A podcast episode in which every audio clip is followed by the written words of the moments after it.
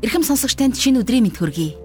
Библийн хуудас радио цаураар нэвтрүүлгийн маань энэ удаагийн дугаар эхэлж байна.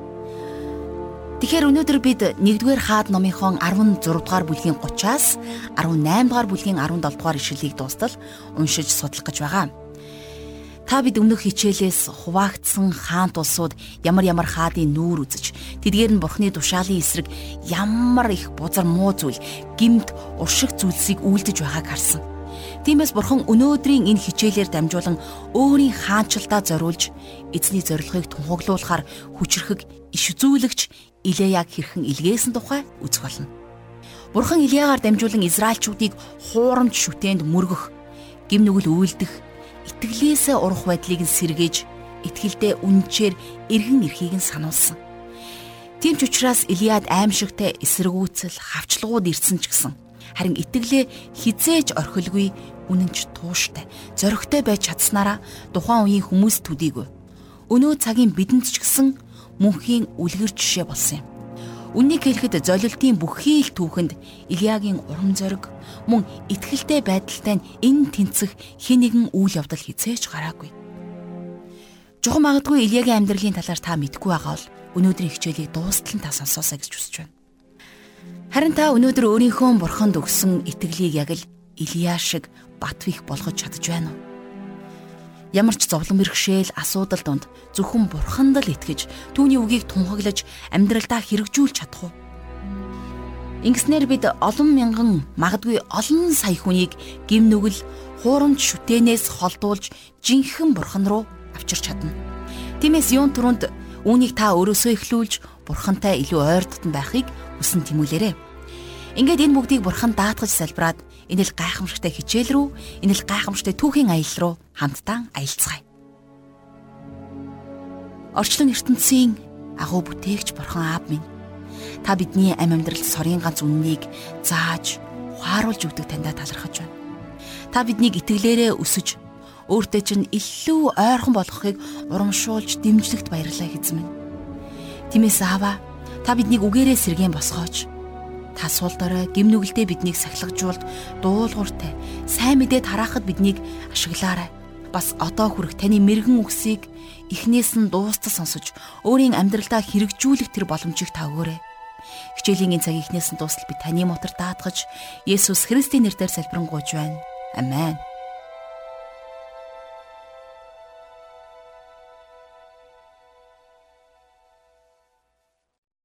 За өнгөрсөн хичээлдэр бид Омри гихч хойд хаанчлалын нэгэн хааны тухай түүхийг үзээд төр завсралсан. Тэгэхээр өнөөдөр хичээлээ хамтдаа 1-р хаад номынхон 16 дугаар бүлгийн 31-р ишлэлээр эхлүүлье. Нибатын хүү Ирибомын гимээр явх нь түүний хувьд жирийн л зүйл байсан учраас тэрээр Сидончуудын хаан Итбаалын охин Изабелтийг гэрэлж Баалд үйлчилж мөрөгдөг болжээ. За тэгэхээр энд Ахабын тухай ярьж байна. Ахаб бол Омригийн хүү байсан. За Ахаб бол ааваасаа ч илүү бузар мөг үлдсэн гэж бидний түрүүний хичээл дээр хамтдаа үзсэн байгаа. Тэгэхээр тэрнийг бузар муу замаар явахт нь тусалсан нэг хүн байсан. За тэр хүн бол Яахын аргагүй Изабел буюу тэрний эхнэр нь байсан. За Ахабын бодоогүй бузар мууг Изабел бодож олдог байсан. Маш шуналтай. За маш муу санаатай эмэгтэй байсан байна. Тэгэхээр энэгээрээ Ахаб Езебел хоёр бол хамгийн муу хосын дээр жагсаж байна. Та нар эхнэр нөхөр Хаманыг муу байсныг мэднэ. Херод Херодын эхнэрч бас бозар байсан. За Испаний 1-р Филипп, цуст Мэри гэл бүгдээрээ л бозар мууг хийдэг хүмүүс байсан. А гэхдээ энэ жагсаалтанд хамгийн бозар муу хаадын жагсаалтын 1-дүгээрт Ахаб Изабел хоёр жагсаж байсан гэж би хэлмээр байна. Изабел бол Баал гихч бурханд мөрөгдөг. За Баалын тахилч байсан хааны охин байлаа. За тэр хаан өөрийнхөө анхыг алсан. Маш зартай хаан байсан. За Изабел гэдэг нь бол гэрлээгүй хамт амьдраагүй гэсэн ийм утгатай нэр. Өөрөөр хэлэх юм бол Ахаб Изабелийн гэрлэлт хоёр бол хайраар боссон амьдрал байгаагүй. За жинхэнэ гэрлэлт байсан гэхээсээ илүүтэйгээр тэдний амьдрал ердөөл хурим төдий байсан. За тэгээд зогсохгүй тэр Изабел гэх эмэгтэй бол маш тийм иршүүд зантай. За маш бузар муу дуртай зэрлэг нэгэн байсан байна. Тэгэхээр Изабелийн тухай хуучин гэрээнээс гадна бас шинэ гэрээ номон дээр за тухайлх юм бол илчлэлт номон дээр бас дурддагдсан байдаг. За илчлэлт номын 2 дугаар бүлгийн 20 дугаар ишлэл дээр нэг ийм ишлэл байдаг. Есүс Туатерийн чуулганд хандаж ингэж хэлсэн байдаг юм. Гэвч чиний эсрэг зүйл надад байна. Юу гэвэл өөрийгөө иш үзүүлэгч хэмээн нэрлдэг Изабел гэгч эмэгтэйд миний боолуудыг сурган төөрөлдүүлэхийг чи зөвшөөрсөн. Тэгснэр тэд садар самун үлдэн шүтэнүүдэд өргөссөн юмсыг иддэг ажээ гэж бичсэн байна. Тэгэхээр Изабел бол үнэхээр хянагч буюу за эзэрхэг төрөмгийн эмэгтэй байсан. За энэ бол яахын аргагүй Изабелийн дүр зураг. За бүр цаашлах юм бол Изабелийн амийн сүнс нь байсан. Тийм учраас Изабел Ахаб хоёр хамтдаа байж муу муухайг хамтдаа үйлдэхэд амархан байсан байх. За цааш нь 16 дугаар бүлгийн 32-оос 34 дугаар эшлэл. Тэрээр Самарт босгосон Баалын өргөөнд Баал зориулан тахилын ширээ босгожээ. Ахаб бас Ашараг бүтээв. Ингэснээр Ахаб өөрийн өмнөх Израилийн бүх хаадаас жилүүгээр Израилийн бурхан эзнийг хилэгнүүлэх зүйл хийв. Ахабын үед битэл хүн Хиел Ирихог босхон барьжээ. Нууны хүү Йошугаар дамжуулан хэлсэн эзний үгийн дагуу Хиел хотын суурийг тавихтаа өөрийн ууган хүү Абирамыг алдсан бөгөөд хотын дааман хаалгыг босгохдоо отхон хүү Сигубыг алдсан ажээ. Хэрвээ та Йошуа номыг санаж байгаа бол Йошуа номын 6 дугаар бүлгийн 26 дугаар эшлэлдэр яг энэ түүхийг ингэж бичсэн байдаг. Ирихо хотыг босгон барьсан хүн эзний өмнө хараагдаг. Тэр ууган хүүгээ золиослон хотын суурийг тавьж, отхон хүүгээ золиослон хаалгыг нь босгох болно гэж Хэдэн зуун жилийн өмнө иш үзүүлсэн энэхүү иш үзүүлэг саяын бид уншсан за 1-р хаадын 16-гийн 32-оос 34-р ишлэлд биелэлээ олсныг Библи бидэнд тэмдэглэн үлдээсэн байна. За энэ бол яахын аргагүй Ахав Изабел нарын цаг хүртэл дахин баригдаагүй байсан. Тэгэхээр Йошуагийн хэлсэн тэр хараал барилгачин Хиял гихч хүн дээр буусан байна. Ахав Изабел нарыг Израилийн синтид суух тэр үед Бурхан өөрийн хүнийг тэнд байлгах хэрэгтэй байсан. За өөрөөр хэлэх юм бол тэдний эсрэг зогсож чадах хэн нэгэн байх ёстой байсан. Шудраг үнний гэрч дуу хоолой байх ёстой байсан гэсэн үг. За тэгвэл тийм хүн бурханд бэлэн байж байсан. За тэр хүн бол иш үзүүлэгч Илия байсан. За Илия бол бичээсийн хуудаснаа тэмдэглэгдэн үлдсэн хамгийн агуу хүмүүсийн нэг байсан.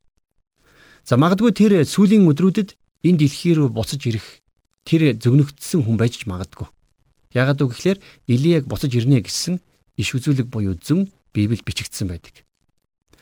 За Илия бол Ахаб Изабел хоёрын өмнө маш зоригтойгоор үнэн шударгаар зогсож чаддаг байсан. Тэгэхээр 1-р хаад номын 17 дугаар бүлгийн 1-р ишлэл бидэнд энэ тухай танилцуулж эхлэх гэж байна. За хамтдаа сөхөд харцгаая. 17 дугаар бүлгийн 1-р ишлэл. Гилиадын сууршигчдын нэг Тишбэ хүн Илия Ахавт Миний хүнддэгдэг Израилийн бурхан эзний амьд байгаагаар тангаргалъя. Намайг тушаахаас нааш энд хэдэн жилийн турш борооч орохгүй, шүүдэрч буухгүй болно гэв. За Илия мэдээж Ахав Изабел нарын өмнө хурж ирээд юу гэж хэлсэн гэхлээр цагаагаарын хамгийн сүүлийн үеийн мэдээг тэднэрт хүргэсэн байдаг. Өөрөөр хэлэх юм бол тэрнийг хэлхээс нааш бороо орохгүй. За бүр нэгч тусал бороо тэнгэрээс унахгүй гэж хэлсэн байна. За ингэж хэлснийхэн дараагаар Илия хотоос гарч явдаг. За Ахаб Изабел хоёр харин энэнд нь үнэхээр их гайхсан байх.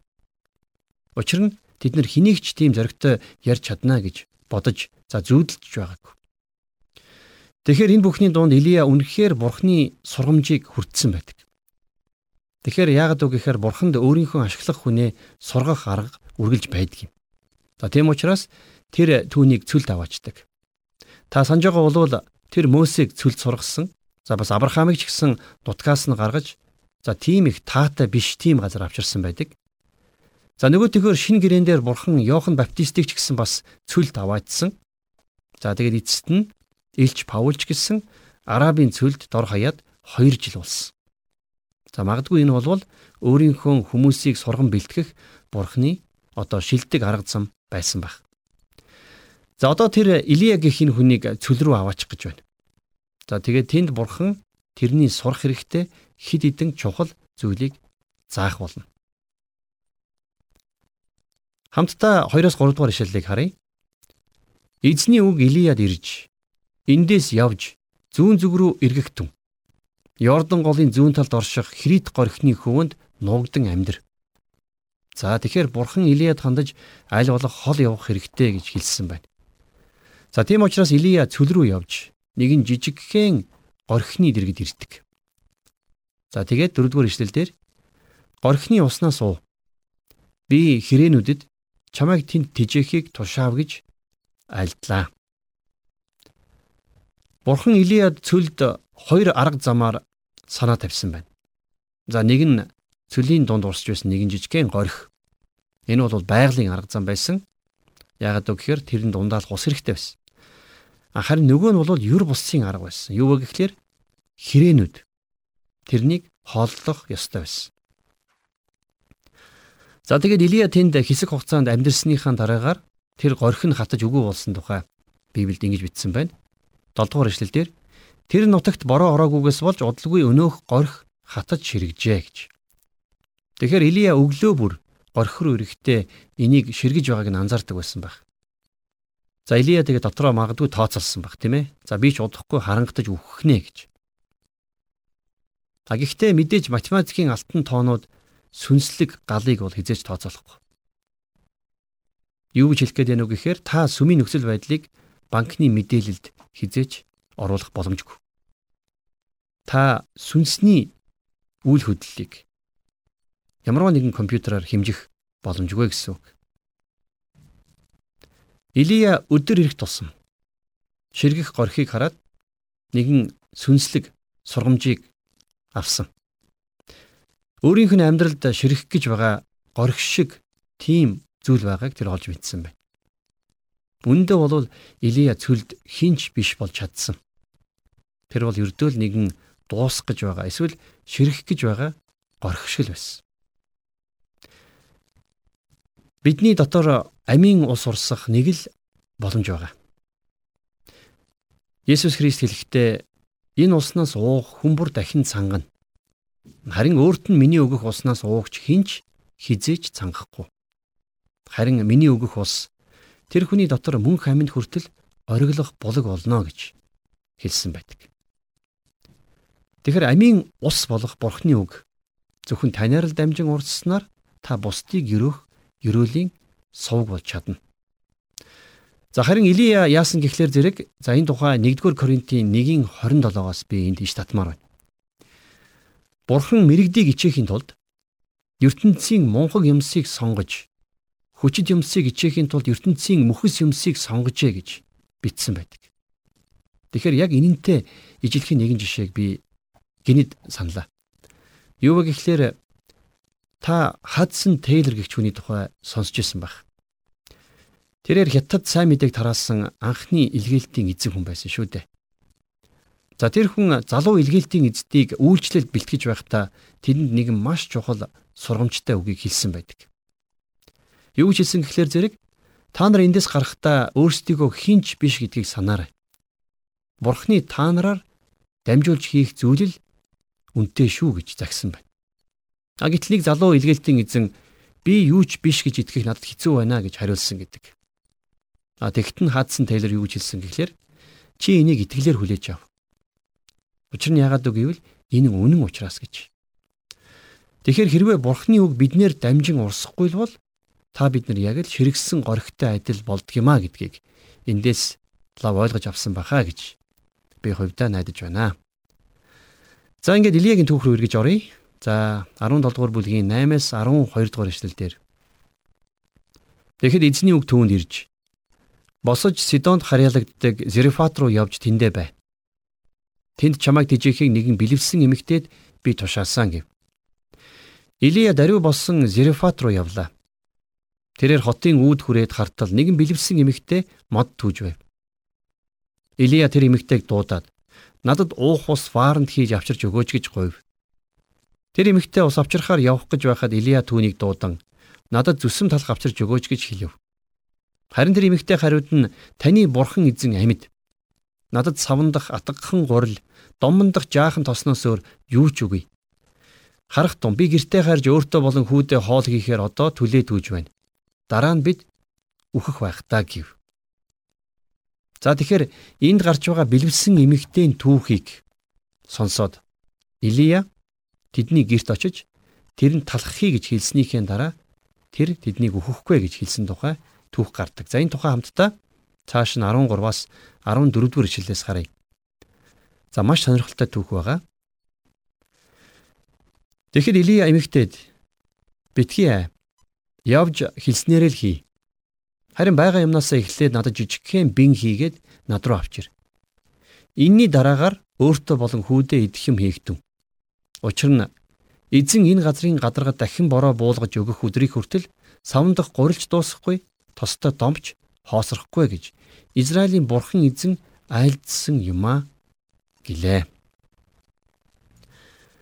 Илия тэр бэлэвсэн эмэгтэй хоёр өдөр бүр хоосон савнаас хоололж байсан. За энэ бол Илигийн сурах бас нэгэн чухал сургамж хичээл байсан. За та бидний хувьч гисэн энэ бол суралцах ёстой хичээлүүдийн нэг.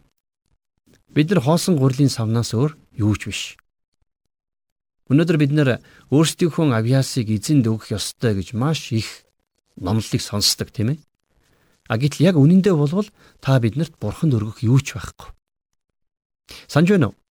Йохан номон дээр гардаг штэ. Галилийн Кана гэдэг нэгэн хотод нэг хурим болж байсан. Тэгэхээр хурмын дээр юу чухал гэж та боддог вэ? За мэдээж сүт бүсгийн хувцас бол биш.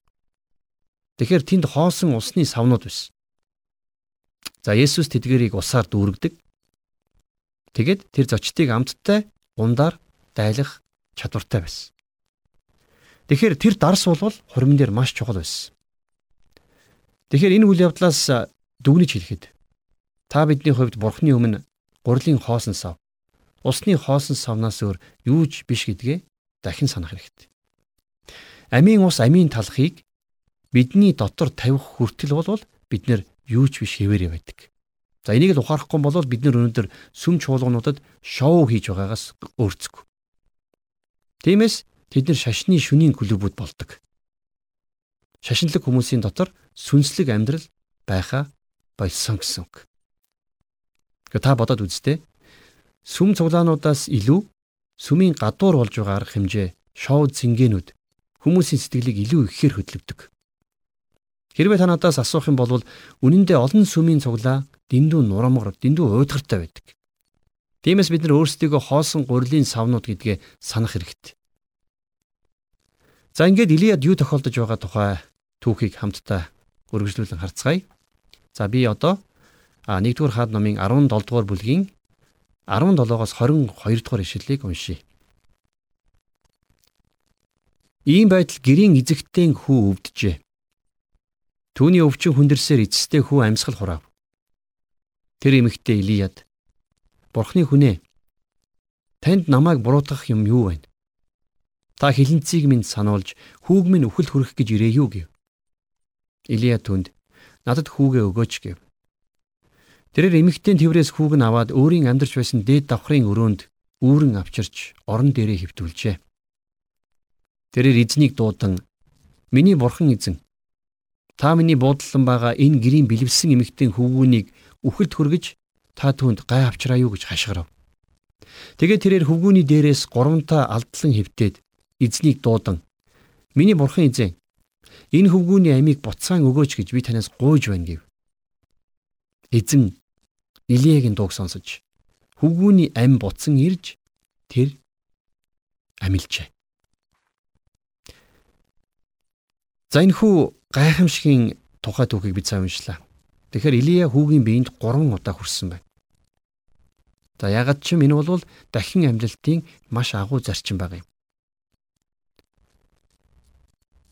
Өнөөдөр Есүс Христэд итгэх итгэл болвол та биднийг Есүс Христтэй нэг болгож байдаг. Хэрвээ бид нар өнөөдөр шашинлаг байдлаар Есүс Христийн тухай мэдлэгээр өөрийгөө Христэд итгэгчд гэж нэрлэх юм бол та бидний итгэл үхмэл байна гэсэн үг. Дээр уншсан түүхийг бид нар Библиэр гардаг маш агуу том гайхамшгуудын нэг гэдгийг ойлгох хэрэгтэй. Юу болсон гэхлээр маш тодорхой хэлсэн байна, тийм ээ. Хүүхдийн сүнс түүн рүү дахин ирж тэр амилсан гэж. Та бид нар болвол гим нүгэлтэд өхмөл бийс. Бид болвол төөрсөн гим нүгэлтнүүд. Тэгэхээр Библиэлд гим нүглийн төлөөс бол үхэл гэж хэлсэн байдаг. Тийм учраас хэрвээ та бид нар Христэд итгэх юм бол бид түүнтэй хамт 2000 жилийн өмнө бидний гимт мөн чанар нас барсан гэж итгэлтэйгээр хэлж чадна. Есүс Христ загламай дээр нас барсан. За тэгвэл бид ч гэсэн бас түүнтэй хамт нас барсан гэсэн үг. За өөрөөр хэлэх юм бол бидний гимт нүгэлт байдал Есүстэй хамт булчлагдсан гэсэн үг. Есүс зөвхөн нас бараа зогсоогүй тэр дахин амь орсон. За тэгвэл бид бас түүнтэй хамт дахин амилсан. Тэгэхээр та бид нар өнөөдөр амьд байгаа Христэд итгэн нэгдсэн гэсэн. Хэрвээ бид нар түүнтэй нэгдээгүй болвол бид юу ч биш. За Илж Паул энийг амьдралаараа амссан учраас өөрийнхөө Галаат хотынд бичсэн загтлын за 2-ын 20 дугаар эшлэлдэр би Христтэй хамт цовдлогдсон. Амьд байгаа нь би биш. Харин миний дотор Христ амьд байна. Идэгвэ би махан биедээ амьд байгаа нь намайг хайрлаж миний төлөө өөрийгөө тушаасан Бурхны хүүд итгэх итгэлээр амьдарч байгаа хэрэг юм а гэж маш тодорхой ойлгомжтой бичсэн байна. За тэгвэл Илия өөрийгөө ширгсэн горих хоосон гурлийн сав за өхмөл бий байсан гэдгийг сурах хэрэгтэй байсан байна тийм ээ. За тэгээд энийг Илия ухаарсан яг тэр үед бурхан тэрнийг бүрэн хүчин чадлаар ашиглаж эхэлсэн. Сэргэн мандлын агуу төлөөлөгч Мартин Лютер нэгэн удаа бурхан оргуу хоосноос бүтээдэг юм а гэдгийг давтан хэлсэн байдаг. Тэгэхээр хүн энийг ухаарах хүртэл бурхан түүгээр юу ч хийж чаддгүй. Гэвч өнөөдөр бидний ихэнхэд маш том асуудал байна. Юу вэ гэхлээр бид нар өөрсдийгөө хитрхи хүчтэй, хитрхи чадвартай гэж боддгоос болоод бурхан биднийг ашиглах боломжгүй байдаг. За ингээд бид хамтдаа 1-р хаад номынхон 18 дугаар бүлэг дээр ирсэн байна. За энэ бол Библийн бас нэгэн хамгийн сонирхолтой бүлгүүдийн нэг. За энд юу гардггүй гэхлээр зэрэг Илия Баалын зүнждийг хинэн жинхэнэ бурханд итгэн хүндэлдэг вэ гэдгээ үзэх тэрхүү эрүүл одоо тулдаан дуудсан байдаг. За Баалын иш үзүүлэгчид нийтдээ 450 гаруй хүн байсан. За тэд нар бүгдээрээ ганцхан Илиягийн эсрэг зогсож байсан. За ингээд юу болсон тухай хамтдаа 18 дугаар бүлгийн 1-ээс 2 дугаар ишлэлээс харъя. Олон өдөр удиран өнгөрч 3 дахь жилд эзний үг Илияд ирж явж Ахавтай уулз Би газрын гадраг дээр бороо оруулах болно гэж айлдлаа. Илия Ахавд бараалгахаар яв. Харин Самарын өлсгөлэн бэрх болсон байлаа гэж бичсэн байна. За тэгэхээр маш олон сургамжит үйл явдлуудаар дагуулсныхаа дараагаар бурхан Илияг ашиглахад бэлэн болсон байсан. За одоо энэ хүн зоригтойгоор урагшаагаан гарч ирж чадхаар болсон байсан гэсэн үг. Тэр өөрийгөө хинж биш. Харин бурхан бүх зүйл юмаа гэдгийг ойлгон мэдсэн байсан. За тийм учраас тэр маш их хүч чадал зоригоор дүүрч Ахавтай уулзахаар явдаг. За энэ тухай цааш нь үргэлжлүүлээд 3-аас 6 дугаар ишлэлээс харъя. Ахав гэрийн даамал Обидиаг дууджээ. Обидиан эзнээс гүнээ имэдэг нэгэн байлаа. Эзний иш үзүүлэгчдийг Изабел устгаж байх үед Обидиа 100 иш үзүүлэгчийг авч 50 50-аар нь агууд нун тэдэнд талах ус ханган өгч байсан юм. Ахав Обидиад Нутаг даяар байгаа булаг шанттай голын нуг хөндийгээр яв. Бид өвс ногоотой газар олж морь лууснуудаа амьд байлгаж мал сүргээсээ алдахгүй байж болох юмаа гэж хэлв. Тэд нутгийг шинжихээр өөр хоорондоо хуваагаад Ахаб нэг тал руу, Обидиа нөгөө тал руу тус тусын замаа хөн явжээ. За тэгэхээр яахын аргагүй Израиль нутагт өлсгөл нь дээд зэгтээ хүрсэн байсан. Бүх ургамал гандан хатаж, за мал сүрэг, өвс зулгах газар байхгүй болсон. Тийм учраас Ахаб тэрний зарц Обидия боломжтой бэлчээрийг хайхаар гарсан байна. За ингээд Ахаб нэг зүг рүү за Обидия нөгөө зүг рүү нь явсан. За тэр үед бол Обидия гэх чинь хүн бол Ахабын ордны захирагч байсан хүн. За Библиэлд Обидиаг бид нэр танилцуулахдаа Бурханаас имээдэг, за Бурханд итгэдэг хүн байсан гэж хэлсэн байдаг. За тийм учраас Изабелийн хилэнгээс Бурханы 100 иш үзүүлэгчийг нуусан тийм гавьяатай хүн байсан. За зааш нь 7-оос 8 дугаар эшлэл дээр. Обадия замдаа явж байтал түүнтэй Илия таарав. Обадия түүнийг таниад нүрээрээ газар унан "Миний эзэн Илия та мөн үү?" гэв. Илия түнд "Би байна." Явж эзэндээ харах тун Илия энд байна гэж хэлгээв. За ингээд Обидия шимт хижээлтэй бэлчээр хаан явж байхдаа зүнч Илията таарсан байна. За Илия тэрэнд Илия тэнд явж байна гэж хаандаа хэл гэж хэлсэн. Өнөөдөр та бидэнд Илиягийн дуу хоолой шиг дуу хоолой ямар их хэрэгтэй байгаа гэж чуулган газар дэлхийг оргисны дараагаар сүүлчийн өдрүүдэд тэр энэ дэлхийд эргэж ирнэ гэдэгт би итгэдэг. Энэ дэлхийд бурхны хүчтэй дуу хоолой хэрэгтэй болно. За ингээд Обидия Илията таарсан байна тийм ээ. За цаашны юу болсныг хамтдаа 9-с 13 дугаар ишлэлээс харъя. Обадия би ямар нүгэл үйлдсэн гэж та өөрийн зарцаа Ахабын гарт өгч алуулах гэж байна вэ? Таны бурхан бөгөөд эзэн амьд. Таныг тэр ирж олохоор хүмүүс илгээгээгүй үндэстнүүд хаанчлууд байхгүй бөгөөд тэдгээр нь тэр энд алга гэж хэлэх үед Ахаб уг хаанчлал эсвэл үндэстнүүдээр тангаралуулдаг. Гэтэл одоо та эзэндээ очиод харах тун Илия энд байна гэж хэл гих юм. Би танаас салмагт эзний сүнс таныг миний мэдэхгүй газар аваач болно.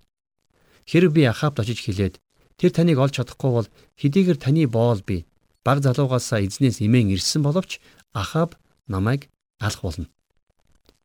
Изабел эзний иш үзүүлэгчдийг алж байхад би эзний 100 иш үзүүлэгчийг 50 50-аар нь агууд нууж тэднийг талх усаар хангаж байсан тухай эзэн минь та сонсоогүй гэж юу? За ингэж хэлэхдээ Обидия Илиягийн үгийг дамжуулахыг хүсээгүй байна. За яагаад вэ гэхээр тэр Ахаб Илияг харахаас өмнө Илия алга болно гэж айж байсан. Обидия өөрийнхөө амийн төлөө айж байсан. Тэр Илиягийн гойсон зүйлийг хийхийг хүсэхгүй байгаагаа маш тодорхой хэлж байна. За энэний хариуд Илия юу гэж хэлсэн бэ? 14-өөс 16 дугаар ишлэлдэр Гэтэл одоо та эзэндээ очиод харах тун Илия энд байна гэж хэл гих юм. Тэгвэл Ахаб намайг алан шүү дээ гэв. Илия Миний үйлчлдэг төг төмдийн эзэн амьд. Би өнөөдөр заавал Ахабд бараалхна гэв. Обеди Ахаб дээр очиж дуулгахад Ахаб Илиятай уулзахаар ирлээ. За тэгэхээр сая харахтун Илия энд байна гэсэн үгийг энд 3 удаа бичсэн байна. Тэгэхээр Илия Ахабтай яг уулзнаа гэж баталгаа өгсөн учраас Обеди хаан руу явсан байна. За энэ хүн юу гэж хэлснийг та мэдэх үү? За мэдээж та таасан баг. Хараач Илия энд байна гэж Ахабд хэлсэн. Тэгэхээр тэрний хэлсэн энэ үг эх өдрүүдэд нэг л өдөр дахиад хэлэгдэх болно гэдэгт би итгэж байна.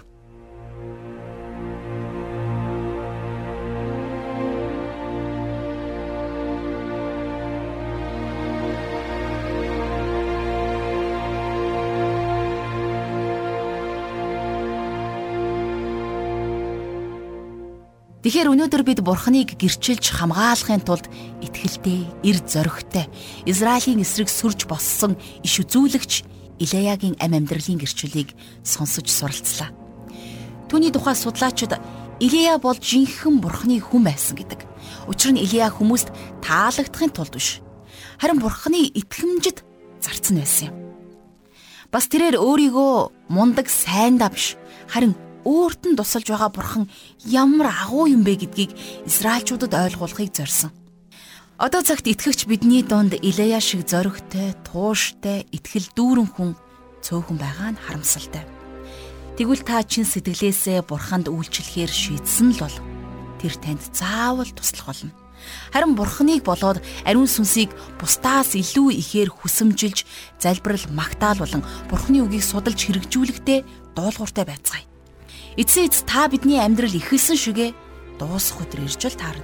Тэр цагт та сүнсээрээ аврагдахын тулд бурханд итгэх итгэлээрээ үлбгэр нэг тийм бүлээн биш. Харин гал халуун байх хэрэгтэй. Ингээд хичээлийн төгсгөлд сонсогч таны ам амьдрал дээр эзний тэр гал халуун байдлыг би юрөөж байна. Илээгийн амьдралын талаар сурсан зүйлийнхаа төлөө талархаж магадгүй суралцаж амьдралдаа хэрэгжүүлэх зүйл байгаа бол яг одоо та залбираарай. Эзэн бурхан минь ээ бидний гмийг уучлж өөрийнхөө хайр дотор халах бол өөрийнхөө хайр дотор алхах боломжийг өгсөнд баярлалаа эзэн минь. Та бол бидний бам бай. хорогдох сайз халахвч минь. Эзэн бид таныг гэрчилж алдаршуулахыг хүсэж байна. Та сул дорой биднийг таныг алдаршуулахад ашиглаач. Бүхий л улс үндэстнийг гин буруугаас нь салгахын тулд таны үгийг зоригтойгоор тууштайгаар иш үзүүлсэн Илия шиг бид танд үнэн читгэлээр үйлчилж дуулууртай зүрхсэтгэлээр таныг алдаршуулахыг хүсэж байна. Та биднийг ариун сүнсээрээ хамгаалж, ивэж, дуулууртайгаар үйлчлэхэд туслаарай. Тийхүү таны сайн мэдээг сонсоог байгаа олон чих зүрхэнд хүргэхэд хүчийг та бидэнд зөвшөөрч өгөөрэй. Та Илеягийн ам амьдрал, тэрэл замналыг, тэрэл итгэлтэй байдлуудыг та сонсогч хүнийг олгоны дээр хэрэгцээнийхэн дагуу саярах болтугай гэж эзэн Есүс Христийн нэрээр талархан өргөн залбирanгуйлаа. Амен.